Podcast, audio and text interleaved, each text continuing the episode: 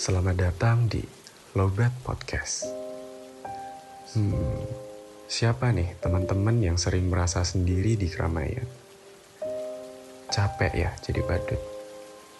Capek jadi people pleasure. Sini, duduk dulu. Rebahan, ambil posisi ternyaman kalian. Yang ngerokok, dinyalain dulu rokoknya.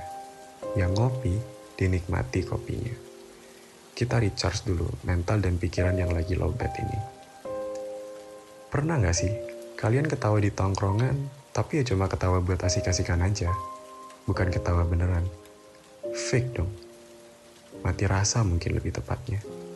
Saking mati rasanya, lu sampai lupa rasa dan caranya ketawa lepas.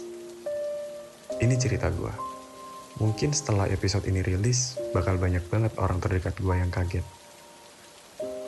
Berbanding terbalik sama kebanyakan stresor teman-teman lowbat, gue justru mendapatkan perhatian dari keluarga yang sangat amat memusat ke gue. Tapi inget kan, sesuatu yang berlebihan tidak akan pernah berujung baik. Dan iya, bener aja. Semua perhatian itu berubah jadi tekanan mental dan pikiran tersendiri buat gue. Sampai pada suatu hari, gue nemuin sosok perempuan yang menurut gue sebenarnya dia yang gue butuh selama ini. Tapi, singkat cerita, ada beberapa pihak dari keluarga gue yang berusaha cut off hubungan gue waktu itu. Dan itu semua berdasarkan teori yang mereka sendiri belum tahu benar kejelasannya. Mulai dari situ, semua yang udah gue susun rapi, bahagia yang udah susah payah gue bangun sendiri, seketika hancur.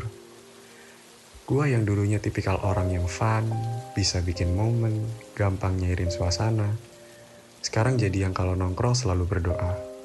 Ya Tuhan, please, hari ini izinin gue untuk have fun seperti sedia kala. Gue capek pretending to be okay. Gue yakin banyak juga teman-teman di luar sana yang sering merasa, ini rame loh, tapi kenapa sepi banget ya rasanya? Dan akhirnya, kita terus memaksakan diri untuk ikut nyemplung ke keramaian itu cuma buat sekedar menunjukkan eksistensi aja. Banyak cara untuk lari dari sebuah masalah atau bahkan hiruk pikuk duniawi. Dan ini adalah salah satu alasan terbesar gue untuk memberanikan diri bikin podcast ini. 21 tahun besar tanpa sosok ayah dan gak punya tempat untuk cerita, akhirnya memaksa gue untuk selalu menjadikan dunia malam sebagai tempat pelarian. Waktu itu, gue belum ngerti seberapa pentingnya mental health. Iya, mental health. Kenapa jadi ke mental health? Jadi gue kira dulu dengan tetap menjaga otak gue gak sadar, karena selalu dibawa pengaruh alkohol, bakal ngeringanin beban atau at least bisa ngilangin banyak banget kata-kata atau pikiran yang muter-muter terus di kepala sepanjang hari. Tapi ternyata itu cuma memperburuk keadaan guys. Masalah selesai enggak, hangover iya. Sampai waktu itu ada yang nyadarin gue dan akhirnya nyoba nyuruh gue pergi ke psikiater. Karena waktu itu gue mikir, iya juga, mau sampai kapan gue kayak gini? Gak bisa nih gini terus. Akhirnya gue nyoba untuk pergi ke psikiater. Dan mungkin karena gue udah tujuh tahun terus berlari dari masalah satu ke masalah yang lain, bikin akhirnya gue didiagnosa mixed anxiety and depressive disorder sama dokter gue waktu itu. Dari situ, gue paham betul kalau ternyata cuma sekedar didengar itu sangat membantu bagi orang-orang yang gak punya tempat cerita atau bahkan gak punya tempat untuk pulang. Ternyata benar ya, kata orang. Dia yang tertawa paling keras di tongkrongan adalah yang memikul beban paling berat.